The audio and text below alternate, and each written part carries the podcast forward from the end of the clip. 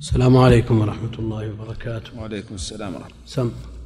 الحمد لله رب العالمين وصلى الله وسلم على نبينا محمد وعلى آله وصحبه. قال رحمه الله تعالى باب صفة الصلاة. وإذا قام إلى الصلاة قال الله أكبر. وينوي بها المكتوبة يعني بالتكبيرة. ثم عندنا زيادة ثلاثة أسطر يبدو أنها مقبلة. فلا نعلم خلافا. أي ولا نعلم خلافا بين الأمة إلى قول ليعبد الله مخلصين له أن في النسخة اللي بخط الوالد ليست فيه. ولا نعلم خلافا بين الأمة. سم. من إيه من قوله ولا نعلم خلافا بين الأمة في وجوب النية للصلاة وأن الصلاة لا تنعقد إلا بها والأصل فيه قول الله تعالى وما أمروا إلا ليعبدوا الله مخلصين له ما عندي هذا. عندي بس ولا نعلم خلافا بين الأمة في وجوب النية للصلاة وأن الصلاة لا تنعقد إلا بها. لا. فإن تقدمت النية. لا عندي والأصل فيه قول الله تعالى وما أمروا إلا ليعبدوا الله مخلصين له الدين. وكل هذه الأسطر الثلاثة ليست في النسخة اللي موجودة في المغني؟ موجود المغني. لأن وأن الصلاة لا تنعقد إلا بها زيادة من ميم يعني من المغني. وإذا قام إلى الصلاة قال الله أكبر. موجودة في نسخة المغني ولا نعلم خلافا بين الأمة في وجوب النية للصلاة وأن الصلاة لا تنعقد إلا بها. فإن تقدمت. وإن تقدمت النية. يعني الأصل هذا زيادة مقحم. ولا يبين من أين أخذها؟ ولا شيء. أبدا. ولا أشار إلى ذلك نعم. زاركش إيش يقول؟ طيب. نعم وأن الصلاة والأصل فيه ولا ما في عندك؟ طيب فإن تقدمت بعد على طول. في الأصل. المتن. طيب. إذا الزيادة نقول الزيادة نعم. عندك. الأصل فيها قول الله تعالى. والأصل فيها قول الله تعالى وما أمروا إلا ليعبدوا الله مخلصين له الدين. هذا الذي لا يوجد في المتن ولا في الشرح يعني هذا لا يوجد في المتن ولا في الشرح وعندكم بالطبعة هذه ولا؟ إيه. لا هذا لو بين أصله. ها؟ إيه هذه زائد هذه منبه علي أنها زائدة. لكن قوله ولا نعلم خلافا يا شيخ هي أقرب إلى الشرح من كونها من المتن يا شيخ. حتى كأن كلام الشيخ عبد الله يوحي بهذا. هذه من الشارح. ها؟ إيه نعم. أما الزيادة الأولى موجودة في الشرح ما فيها إشكال. موجودة في الشرح على أنها من المتن ولا؟ موجودة عندي في المتن. المتن المشروع. المتن المشروع.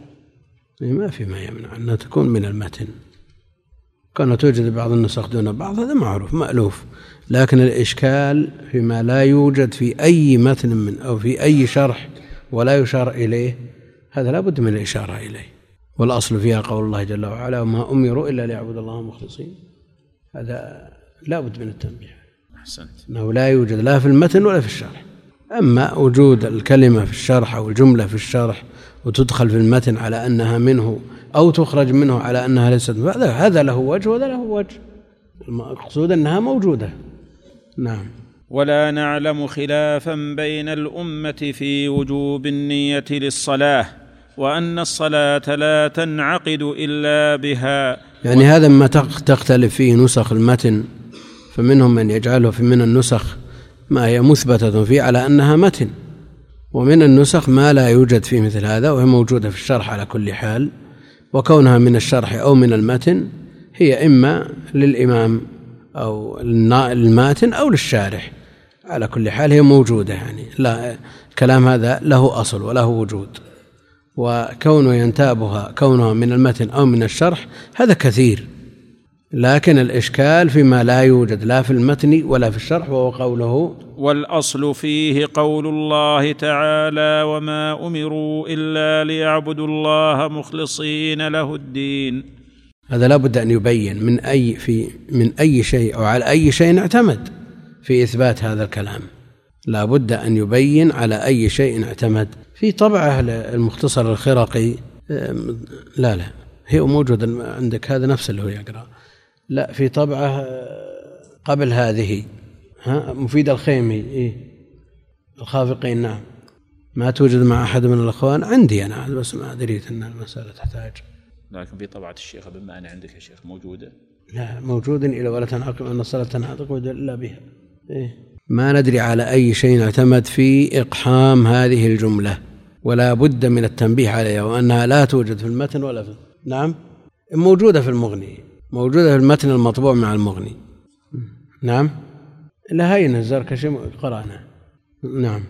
وإن تقدمت النية قبل التكبير وبعد دخول الوقت ما لم يفسخها أجزأه ويرفع يديه إلى فروع أذنيه أو إلى حذو منكبيه ثم يضع يده اليمنى على كوعه اليسرى ويجعلهما تحت سرته ويقول سبحانك اللهم وبحمدك وتبارك اسمك وتعالى جدك ولا إله غيرك. ثم يستعيذ ثم يقرأ الحمد لله رب العالمين ويبتدئها ببسم الله الرحمن الرحيم ولا يجهر بها فإذا قال ولا الضالين. سطران ساقطان من هذه النسخة يا شيخ. أنا استدركتهم وين شو؟ من قوله وتعالى جدك إلى قوله فإذا قال ولا الضالين هذان السطران ساقطان. عجيب. إيه لا النسخة النسخة عليها يعني. العناية فيها في الحاشية يعني. هو آه، كتب الحواشي واجتهد في انتقائها وتحريرها وأما المتن فهو ما هو بأجود المتون ما هو بأجود الطبعات. نعم. فإذا قال ولا الضالين قال آمين. ثم يقرأ سورة في ابتدائها بسم الله الرحمن الرحيم. فإذا فرغ كبر ولا يجهر بها. ما عندي ولا, ولا. يجهر بها. لا عندي في الأولى يا شيخ. موجود في الأولى لكن حتى بسم الله الرحمن الرحيم الثانية ولا يجهر بها. لا عندنا ليست. عندك يا شيخ موجودة؟ لأني صليت خلف إمام في الحي الجنوبي من حي السلام القسم الجنوبي. مشهور ومقصود لكنه ما هو فقيه. فإذا به يقرأ في قصار السور وعمل مضطرد. لا يجهر بالبسملة مع الفاتحة ويجهر بها مع السور. هذا الحاصل. لا يجهر بالبسملة مع الفاتحة لكنه يجهر بها مع كل سورة بعد الفاتحة. يمكن قرأ في هذا الكتاب؟ يمكن. لا لا يخاله قرأ لكن قلد يرى بعض الأئمة يجهر بها أحيانا يعني من أهل العلم. يجهر بها أحيانا فقلده في أظن هذا اجتهاده وليس من من أهل الفقه كما هو معروف. واعظ نعم. حتى في نسخة الوائد ما فيها ولا يجهر بها. ليست فيها. فإذا فرغ كبر للركوع ويرفع يديه كرفعه الأول ثم يضع يديه على ركبتيه ويفرج أصابعه ويمد ظهره ولا يرفع رأسه ولا يرفع رأسه ولا يخفضه ويقول في ركوعه سبحان ربي العظيم ثلاثا وهو أدنى الكمال وإن قال مرة أجزأه ثم يرفع رأسه. الحمد لله رب العالمين وصلى الله وسلم وبارك على عبده ورسوله نبينا محمد وعلى آله وصحبه أجمعين. أما بعد فيقول المؤلف رحمه الله تعالى باب صفة الصلاة. باب صفة الصلاة. الصفة والنعت مترادفان ومنهم من يجعل الصفة للعارض والنعت للثابت ومنهم من يعكس المقصود أنهما متقاربان ويتقارضان بمعنى أنه يوضع هذا في موضع هذا وذاك في موضع هذا. فيقال جاء زيد الكريم منهم من يعربها صفة ومنهم من يقول نعت ولا يختلف الأمر. هنا هل قال أحد من أهل العلم سواء كان في كتب الحديث أو في كتب الفقه باب نعت الصلاة؟ نعت نعت الصلاة. جاء أنعت لكم كذا من فعله عليه الصلاة والسلام يعني أصف. لكن لا تجدهم يقولون باب نعت الصلاة. لأن الدارج على الألسنة والمعروف والمفهوم عند العوام والمتعلمين الصفة. فلو قال نعت الصلاة لا أشكل على بعض الناس فهم يأتون بالبين الواضح الذي لا يوقع فيه إشكال. وإن كان المعنى واحد. باب صفة الصلاة. صفتها من الشروع فيها أو من القيام إليها إلى الفراغ منها. من التكبير إلى التسليم. على ضوء ما جاء عن النبي عليه الصلاة والسلام من قوله وفعله. وصفة صلاة النبي عليه الصلاة والسلام هي ما ثبت عنه من فعله. من فعله. وما يدخل في هذه الكتب التي ألفت في صفة صلاة النبي عليه الصلاة والسلام من الخلاف الذي يدل عليه القول أو يدل عليه الفعل لا شك أنه توسع. لما يذكر مثلا صفة حج صفة حج النبي عليه الصلاة والسلام كتاب ثم يذكر لي أنواع النسك هل هذا دقيق؟ ما هو دقيق النبي عليه الصلاة والسلام اعتمد نسكا واحدا. أو يذكر كتابا في صفة صلاة النبي عليه الصلاة والسلام ثم يتعرض لخلاف مثلا. عمدة بعض الأقوال فيه إلى أوامر من النبي عليه الصلاة والسلام وعمدة بعضها إلى أفعاله عليه الصلاة والسلام. لا شك أن هذا توسع. أو يقول صفة حج النبي عليه الصلاة والسلام ثم يأتي بالمحظورات. حج النبي عليه الصلاة والسلام ما في محظورات لكن هذا استطراد وتوسع. فصفة الصلاة المقصود بها الثابتة عن النبي عليه الصلاة والسلام سواء كان ذلك في من فعله ولزوم ما فعله النبي عليه الصلاة والسلام ومشروعيته من قوله عليه الصلاة والسلام صلوا كما رأيتموني أصلي. وأما مشروعية أوامره ونواهيه في الصلاة فهذا لا إشكال فيها أنها المقصود بها الأمة المقصود بها الأمة. وإذا خالف فعله قوله هل يقال أن هذا خاص به عليه الصلاة والسلام أو يقال أن هذا يقتدي, يقتدي به من هو في صفته كالإمام مثلا؟ ويبقى الأمر لسائر الناس. فمثلا قوله عليه الصلاة والسلام فإذا قال سمع الله لمن حمد فقولوا اللهم ربنا ولك الحمد. فإذا قال سمع الله لمن حمد فقولوا اللهم ربنا ولك الحمد. قول سمع الله ب... سمع الله لمن حمد يقتدي بمن كل مصلي باعتبار القدوة والأسوة أو الإمام والمنفرد. الشافعية يقول يقتدي به كل مصلي فالمأموم يقول سمع الله لمن حمد لأن الرسول عليه الصلاة عليه الصلاة والسلام قال صلوا كما رأيتموني أصلي وقد قال سمع الله لمن حمد إذا نقول سمع الله لمن حمد والأكثر قالوا لا الإمام لا يقول سمع الله لمن حمد المأموم. لا يقول سمع الله لمن حمده. الإمام يقول سمع الله لمن حمده والمأموم يقول فقولوا. لأن الفاء تقتضي التعقيب. يعني بمجرد قوله سمع الله لمن حمده فقولوا. ولا مجال لقول المأموم سمع الله لمن حمده لأن التعقيب بالفاء يقتضي هذا. فإما أن نوافق الإمام بقولنا سمع الله لمن حمده أو يقتضي ذلك إذا قلناها أن نؤخر ربنا ولك الحمد بعد قولنا سمع الله ولا يتم بذلك الامتثال. فالاقتداء به عليه الصلاة والسلام في قوله صلوا كما رأيتموني أصلي الرسول عليه الصلاة والسلام له أحوال.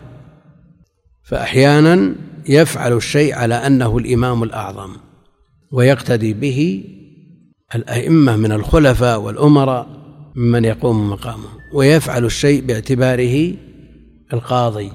يقتدي به القضاة يفعل الشيء باعتباره إمام الصلاة فيقتدي به الأئمة. طيب إذا قلنا مثل هذا في سمع الله لمن حمد ربنا ولك الحمد فماذا عن قوله فإذا قال ولا الضالين فقولوا آمين؟ هل معنى هذا أننا لا نقول ولا الضالين؟ لماذا؟ لا نقرأ في أثناء قراءته لأن عمل المأموم في هذا الجزء من الصلاة لا لا ارتباط له بعمل الإمام. يعني رفعه من الركوع مرتبط بالإمام. لكن هل قراءة الفاتحة للمأموم مرتبطة بقراءة الإمام؟ لا. فإذا قال ولا الضالين فقولوا آمين يعني ولو لم تقرأوا الفاتحة. ولو لم تقرأوا الفاتحة. لكن إذا قرأتم الفاتحة فقولوا ولا الضالين لأنها إيش؟ آية منها. آية منها ما يمكن أن نتنازل عنها. ثم بعد ذلك نقول آمين لقراءتنا. وآمين مشروعة كما سيأتي في الصلاة وفي خارج الصلاة. قال رحمه الله نعم. إيه. يعني الحنفية في قوله وإذا قال سمع الله لمن حمده قولوا اللهم ربنا ولك الحمد. يقولون أن الإمام يقول سمع الله لمن حمده والمأموم يقول ربنا ولك الحمد. المأموم لا يقول سمع الله لمن حمده والإمام لا يقول والمأموم لا يقول أو الإمام لا يقول ربنا ولك الحمد. لكل ما يخصه طيب إذا قال الإمام ولا الضالين فقولوا آمين. طردا لهذا أن أن الإمام لا يقول آمين. لكن هذا سيأتي الكلام في الحديث عنه إن شاء الله تعالى. قال رحمه الله وإذا قام إلى الصلاة قال الله أكبر. إذا قام إلى الصلاة أي صلاة؟ أولا إذا قمتم إلى الصلاة فاغسلوا وجوهكم يعني آية الوضوء تقدم الكلام فيها في مبحث الطهارة. بعد ذلك إذا انتهى من طهارته وتوجه إلى المسجد أو إلى مكان صلاته إذا قام إلى الصلاة أي صلاة؟ كل ما يسمى شرعا صلاة قال الله أكبر. فالصلوات كلها تفتتح بالتكبير سواء كانت صلاة مفروضة أو نافلة طارئة أو معتادة صلوات الخمس النوافل الجنائز العيد الكسوف كلها تفتتح بالتكبير. إذا قام إلى الصلاة قال الله أكبر. يعني شرع في صلاته بقوله الله أكبر. وقيامه إلى الصلاة هو النية ولا يحتاج مع ذلك إلى شيء. لا تلفظ ولا يقول أي ذكر قبل التكبير لا سرا ولا جهرا لا سرا ولا جهرا. وهناك ألفاظ كلها مبتدعة. نص عليها ابن القيم لم يثبت عنه عليه الصلاة والسلام ولا عن صحابته الكرام بسند صحيح ولا حسن ولا ضعيف أنه إذا قام إلى الصلاة قال نويت أن أصلي صلاة الظهر فرض الوقت أربع ركعات خلف الإمام ولا يقول شيء من هذا البتة. كل هذه بدع لم تثبت عنه عليه الصلاة والسلام. إنما وجدت في بعض آه، كتب المذاهب المتأخرة. يعني قالوا بالنسبة للشافعي رحمه الله تعالى نسبوا إليه أن الفرق بين الصلاة والصيام أن الصلاة في أولها نطق. في أولها نطق. لكن الذي يقول نويت أن أصلي ألا يلزمه أن يقول نويت أن أصوم؟ لأن الباب واحد. فإذا قال هذا قاله في هذا. ويسمع من بعض الناس نويت أن أصوم فإن حبسني حابس فمحلي حيث حبستني. يعني خلط. خلط كل هذه من البدع. يعني هذا سمع وكان معتمد في بعض الجهات لكنه بعد هذه الصحوة العلمية والله الحمد ترك كان موجود عند بعض العامة حتى في هذه البلاد. نويت أن أصوم فإن حبسني حابس. تلفيق. قول الشافعي رحمه الله الفرق بين الصلاة والصيام أن الصلاة في أولها نطق المقصود بالنطق تكبيرة الإحرام. تكبيرة الإحرام. ولذا قال وإذا قام إلى الصلاة قال الله أكبر. ولا يقول كلاما آخر مما ابتدع. الله أكبر.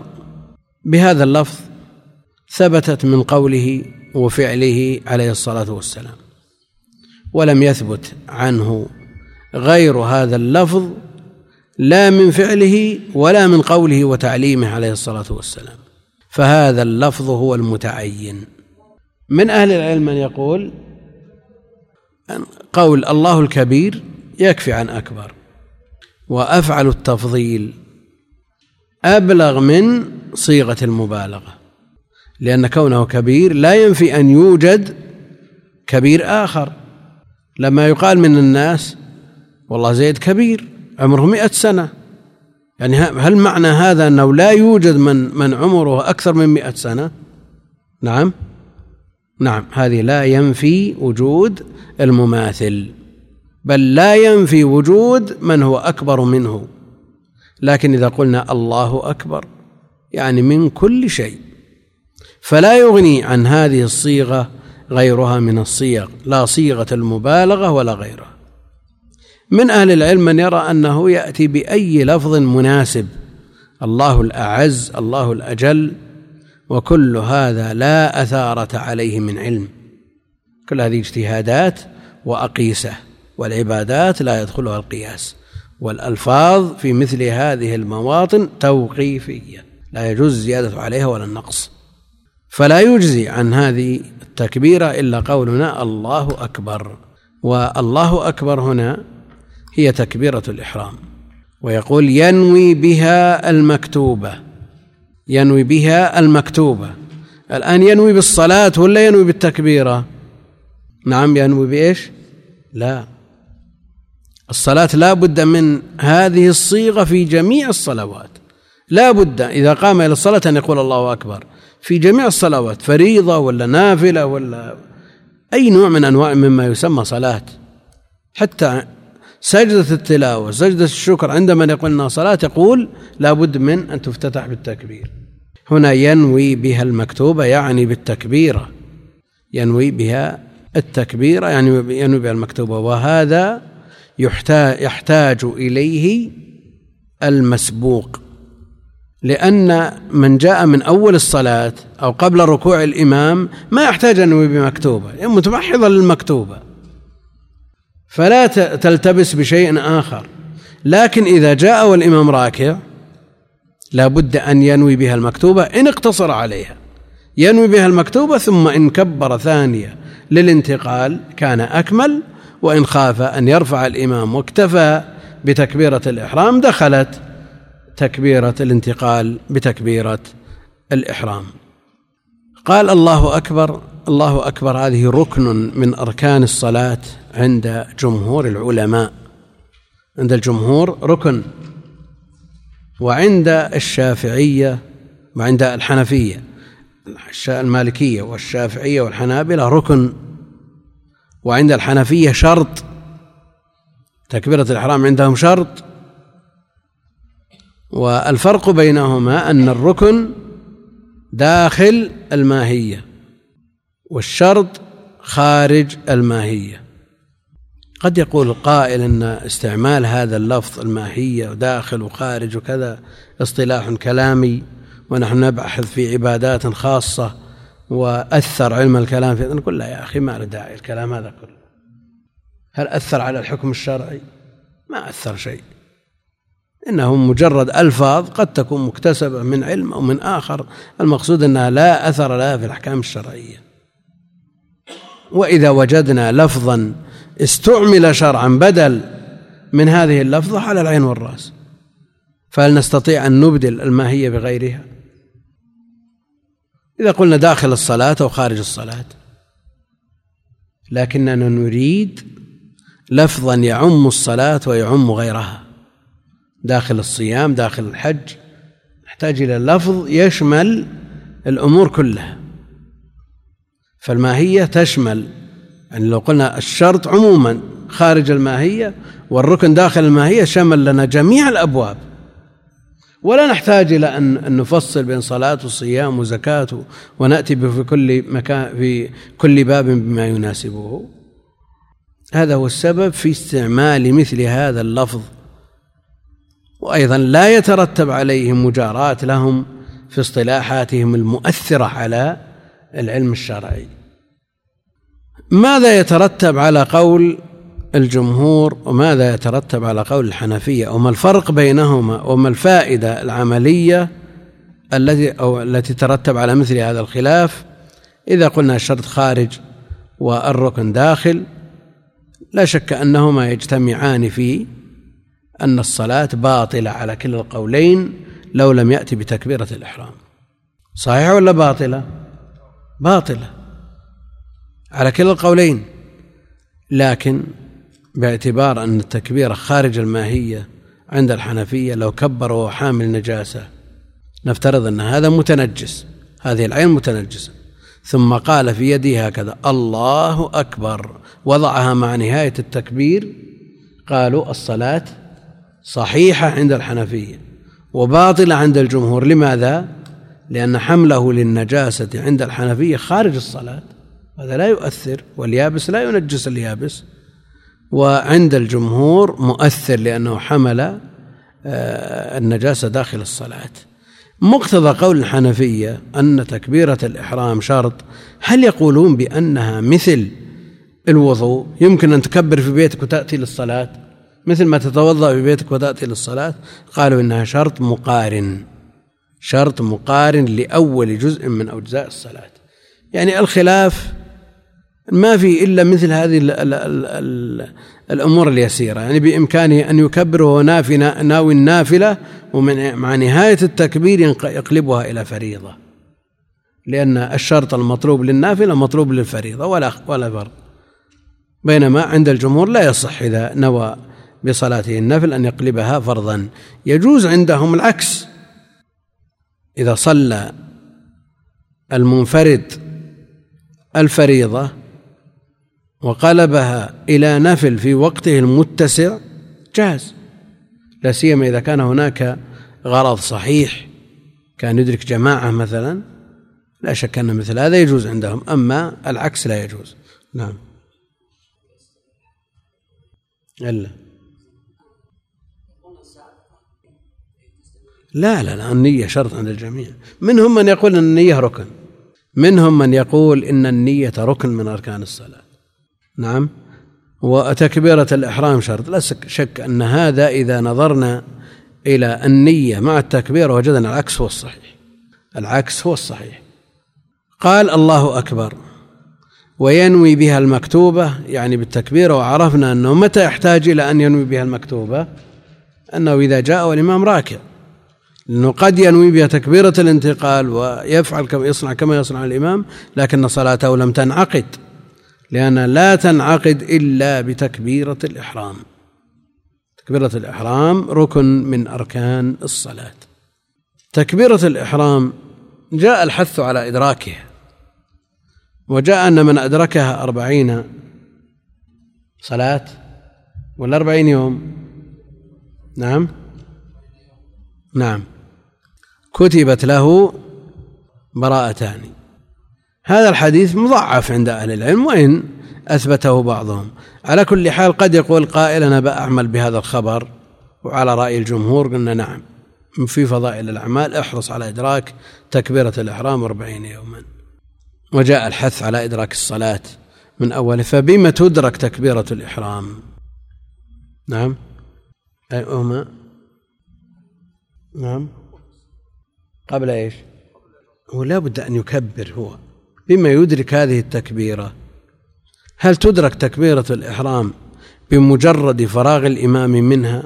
أن يكبر إذا كبر فكبروا. أو تدرك قبل أن يشرع الإمام في الركن الثاني؟ أو تدرك قبل قبل قول الإمام آمين؟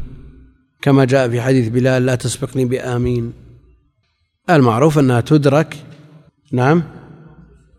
قبل الشروع في الركن الثاني. قبل الشروع في الركن الثاني. فإذا شرع في الركن الثاني بدأ بالفاتحة انتهى إدراك تكبيرة الإحرام. فاتته تكبيرة الإحرام. أي نعم.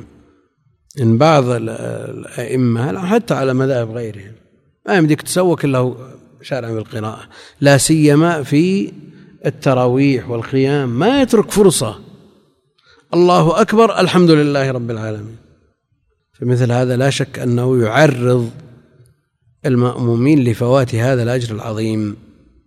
وعلى كل حال المسبوق بغير اختياره وبغير تراخ وبغير تفريط منه هذا لا يضره شيء. مقصود أنه قصد الجماعة وقصد إدراك تكبيرة الإحرام لكن ما في ذهنه أن هذا الإمام يستعجل هذه العجلة.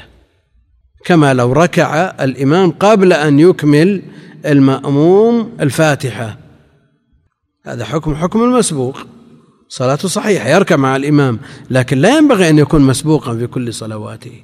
مثل هذا الإمام لا بد أن الذي يستعجل ولا يمكن المأمومين من قراءة الفاتحة لا بد من النظر في أمره. هذا يعرض صلاة المأمومين لهذا النقص. لماذا يكون المأموم باستمرار مسبوق؟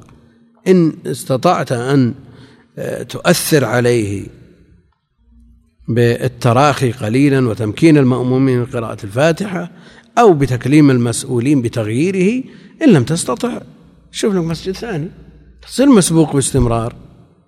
فتكبيرة الإحرام إنما تدرك بالشروع في الركن الذي يليها وهو قراءة الفاتحة.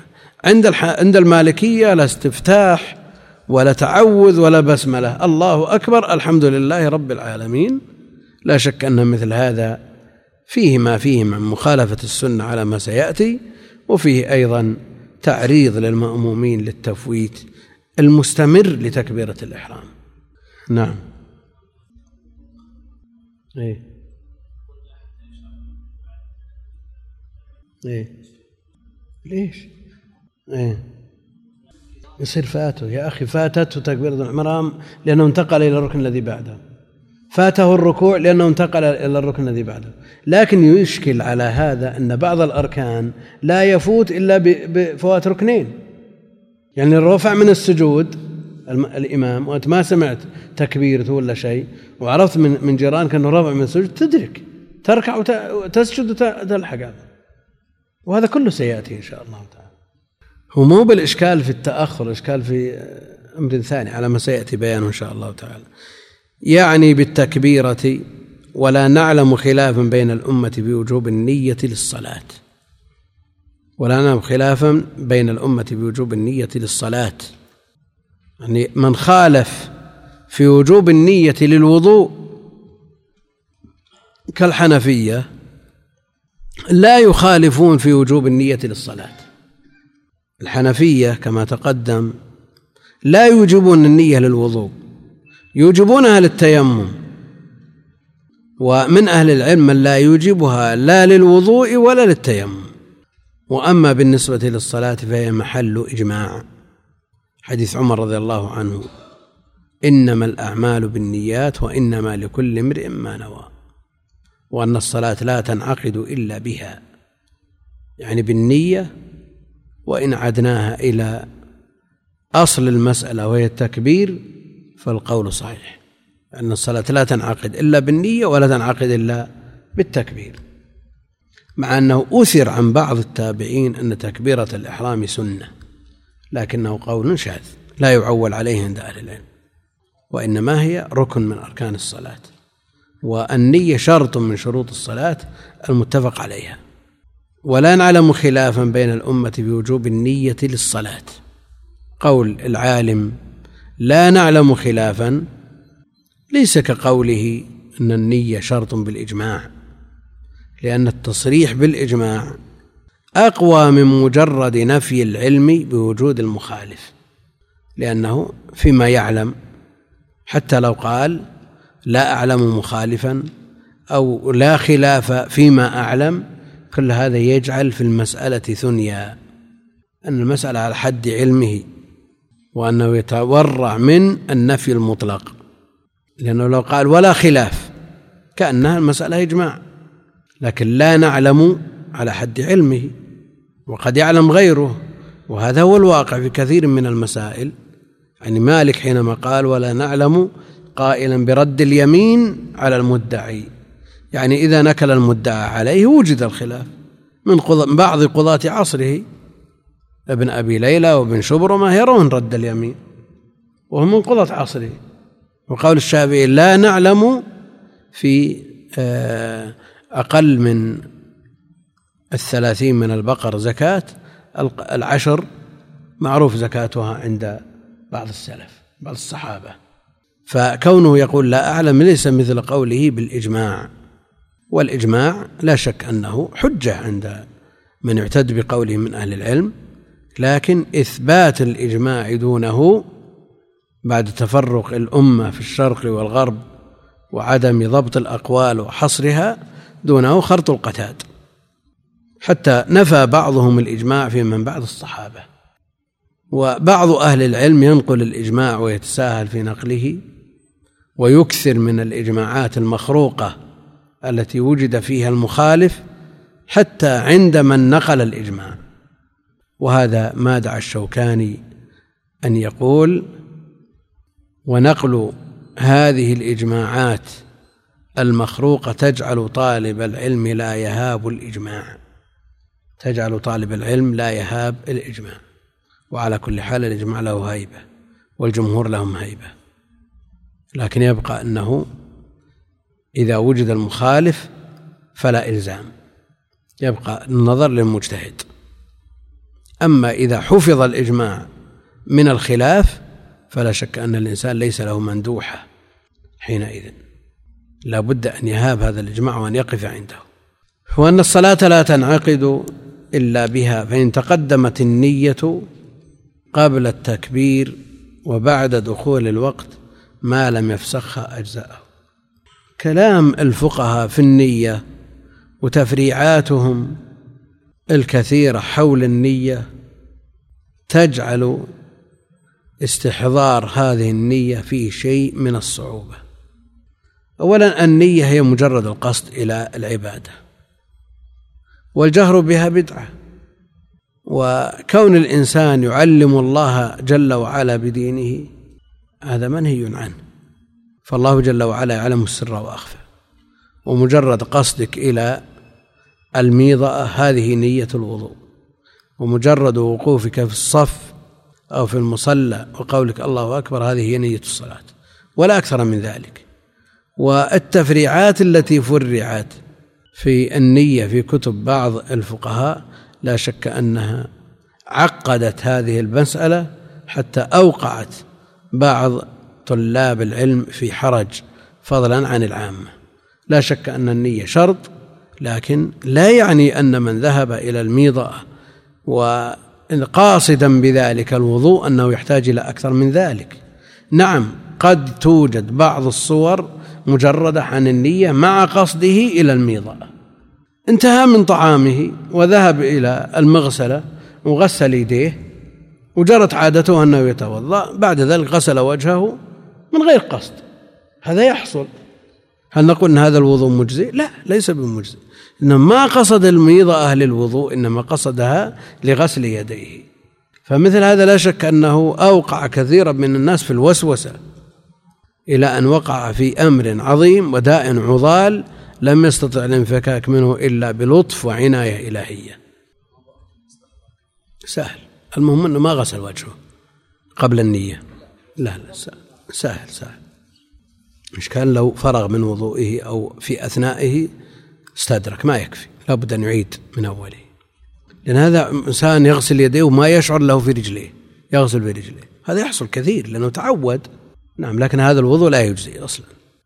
نية العبادة لا بد من استمرارها. ولا بد من استصحاب حكمها. هذا لا بد منه.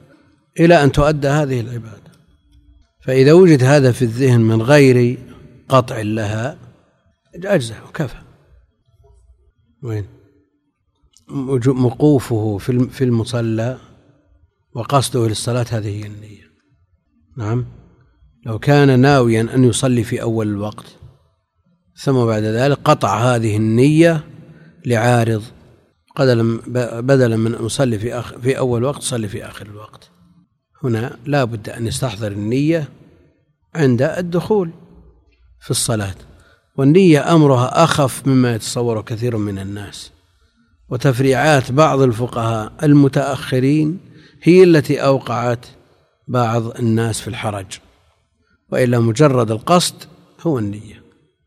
أن تقصد بذلك وجه الله تعالى. وما أمروا إلا ليعبدوا الله مخلصين له الدين.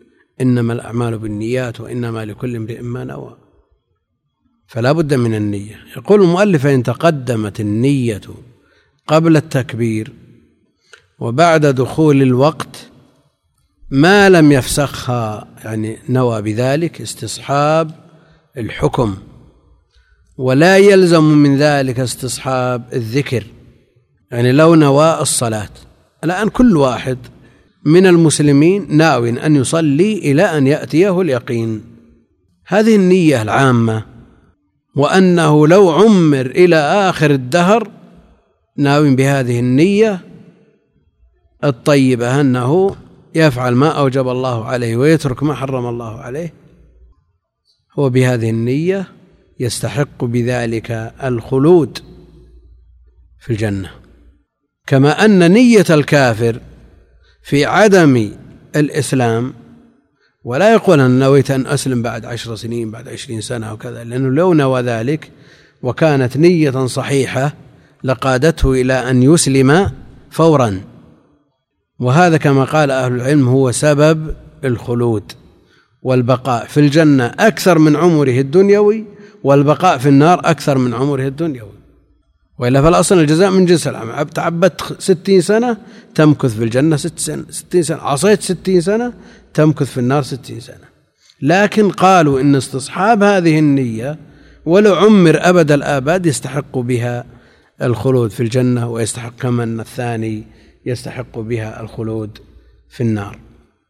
إن تقدمت النية قبل التكبير وهذه النية مبيتة عند كل مسلم يزاول هذه العبادات ابتغاء وجه الله جل وعلا موجودة لكنها إذا طال الوقت عرضة لأن تنقض وعرضة لأن تعزب عن الذهن فإن طال الوقت ولم يفسخها يعني ما أتى بمضاد له. فعند أهل العلم يجب استصحاب الحكم بألا ينوي نقضها قبل تمام العبادة وعندهم أيضا لا يجب استصحاب الذكر بمعنى أنه لو نسيها وغفل عنها مع أنه نواها تكفيه.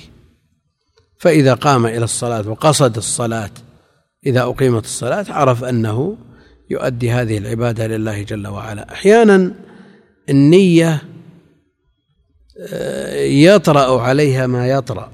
فمثلا شخص يصلي الإمام يصلي العشاء مع جماعة كثيرة من تصور المسجد الحرام مثلا. وهو في نيته هو ناسي انه مصلينا المغرب مصلي مع الجماعة في المسجد نفسه المغرب. لما دخل في الصلاة نسي أنه صلى المغرب وظن أن الإمام يصلي المغرب. ظانا أن الإمام يصلي المغرب. لما قام الإمام إلى الرابعة هذه مسألة واقعة. لما قام الإمام إلى الركعة الرابعة جلس. قال الإمام زاد ركعة ولا تجوز متابعته. ثم راجع نفسه فقال الأمة كلها هذه مخطئة وأنا على الصواب لا هي العشاء. ثم قام. ما حكم صلاتي في هذه الحالة؟ ها؟ كيف؟ لماذا؟ هو الإمام يصلي العشاء وقد صلى المغرب وهو معه لكنه ما نسي أنه صلى المغرب فدخل مع الإمام على أنها المغرب. ها؟ دخل مع الإمام على أنها المغرب. لما قام الإمام إلى الرابعة قال زاد ركعة لا تجوز متابعته جلس ثم راجع نفسه وقال هذه الأمة الألوف المؤلفة كلهم على خطأ وأنا على صواب؟ ولا واحد قال سبحان الله ها؟ صلاته صحيحة ولا باطلة؟ باطلة صلاته باطلة. مثل هذه القضايا يعني لا تشكل إشكال بالنسبة للناس بحيث يفرع عليها ويستطرد فيها مما يزيد المسألة تعقيد. مثل هذه المسألة نادرة. يعني تحصل في عمر الإنسان مرة واحدة ما تحصل مرارا. هذا إذا حصلت. فمثل هذه الافتراض مثل هذا الافتراض إذا أودع في الكتب عقد المسألة. لا سيما وأن مسألة النية حساسة جدا وليس فيها في الشرع أكثر من أن تقصد العمل الشرعي. تريد بذلك وجه الله تعالى. وأمر النية عند الموسوسين شأنه خطير. حتى قال قائلهم إن كل عقدة من عقد الأصابع يحتاج إلى نية. وحاول بعضهم الصلاة صلاة العشاء يحاول فيها إلى الثامنة صباحا في ليالي الشتاء. كم ساعة؟ كان عشر ساعات أو أكثر من عشر ساعات. نعم؟ أكثر من عشر ساعات. أكثر من اثنتا عشرة ساعة. نعم؟ وهو يحاول أن يصلي العشاء. مثل هذا لا شك أن النية شرط وأن الصلاة بدونها باطلة لكنها أقل ولا نقول شأنها أقل لكن حقيقتها ومراد الشرع منها أقل من ما يتصوره بعض الموسوسين. ويصوره بعض الفقهاء الذين أوجدوا بعض التعقيدات لدى عامة الناس. فالمسألة لا تحتاج إلى أكثر من أن تقصد الميضأة فتتوضأ أو تقصد مكانك في في الصف أو مصلاك إذا كنت منفردا وتكبر وتدخل في الصلاة بالتكبير الذي هو مفتاح الصلاة.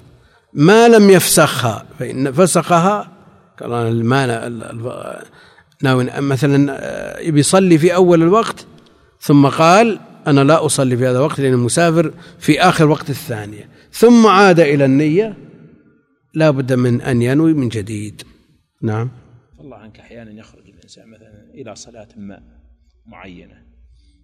فإذا قام ليكبر مع إمامه تخطر عليه يعني خواطر عارضة كذا. يعني يعزب عن ذهنه أنه في صلاة الظهر ويسبق إلى ذهنه أنه صلاة العصر مع أنه جاء قاصدا صلاة الظهر. يعني هل يؤثر آه، تعيين صلاة دون صلاة مع أنها مثلها في الصورة؟ لا لا بس خطر على في ذهنه خاطرة. وهو يكبر. شو الخواطر والهواجس وحديث النفس هذه كلها أمور معفو عنها.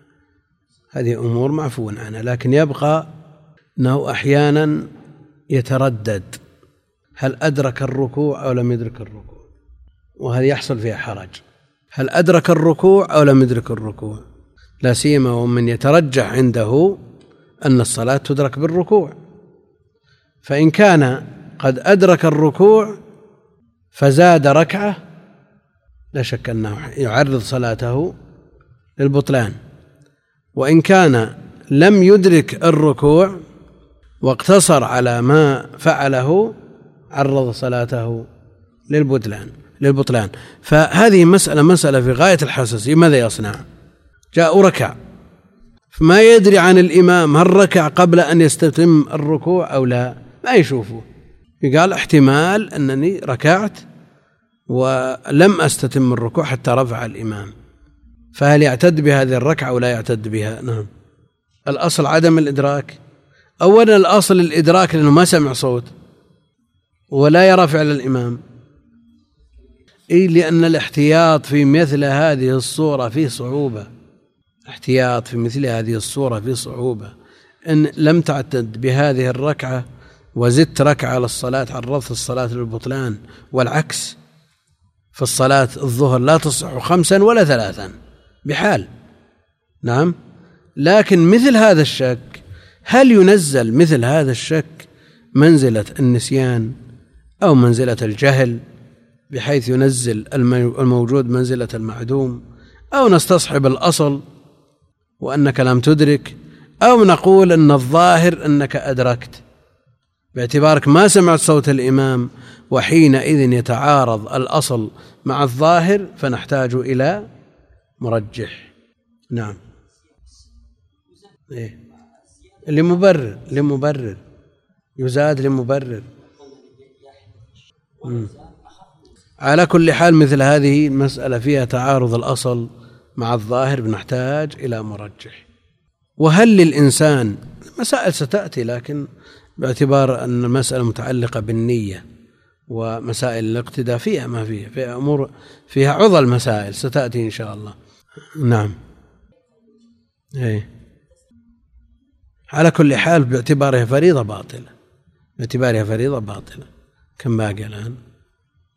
هذا كتب عن لماذا سميت فاطمة بنت رسول الله صلى الله عليه وسلم بالزهراء.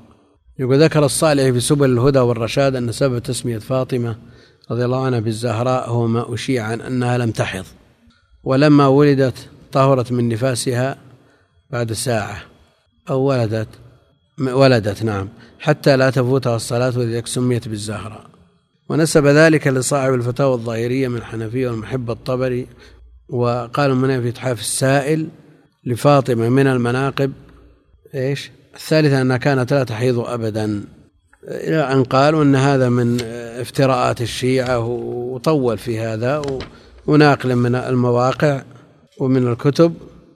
معجم المناهي اللفظية قال فاطمة الزهراء الزهراء المرأة المشرقة الوجه البيضاء المستنيرة. ومنه جاء حديث في سورة البقرة وآل عمران الزهراوان أي المنيرتان ولم أقف على تأريخ لهذا اللقب لدى أهل السنة والله أعلم. والرافضة كلامهم كثير في هذا. كلامهم كثير في هذا ويغلون فيها رضي الله عنها وأرضاها. على كل حال إذا كان مأخوذا من اللون فجاء في وصفه عليه الصلاة والسلام أنه أزهر اللون وإن كانت أشبه الناس به أو تشبهه فهي زهراء من هذه الحيثية. من أجل اللون لا أكثر ولا أقل. لكن ماذا عن وصف المدينة بأنها المنورة؟ هذا الذي فيه الكلام وأن التسمية تسمية صوفية وليس لها أصل في الشرع وأنها المدينة النبوية ونحتاج إلى تأريخ لهذه التسمية تأريخ لهذه التسمية. لو توضأ ثم أجلك الله دخل دورة المياه ثم بدا له ألا يقضي حاجة ما يضر ما يضر لا ما يضر. لا يعتبر هذا إرادة للفسخ شيء في أثناء العبادة مؤثر لكن إذا نوى النقض في أثناء العبادة يؤثر. لكن بعد الفراغ من العبادة لا يلتفت إليه. نعم يختلف هذا عن قولهم ومن نوى الإفطار أفطر. نعم لأنه ما زال في أثناء العبادة لكن نوى الإفطار المغرب ما يأثر.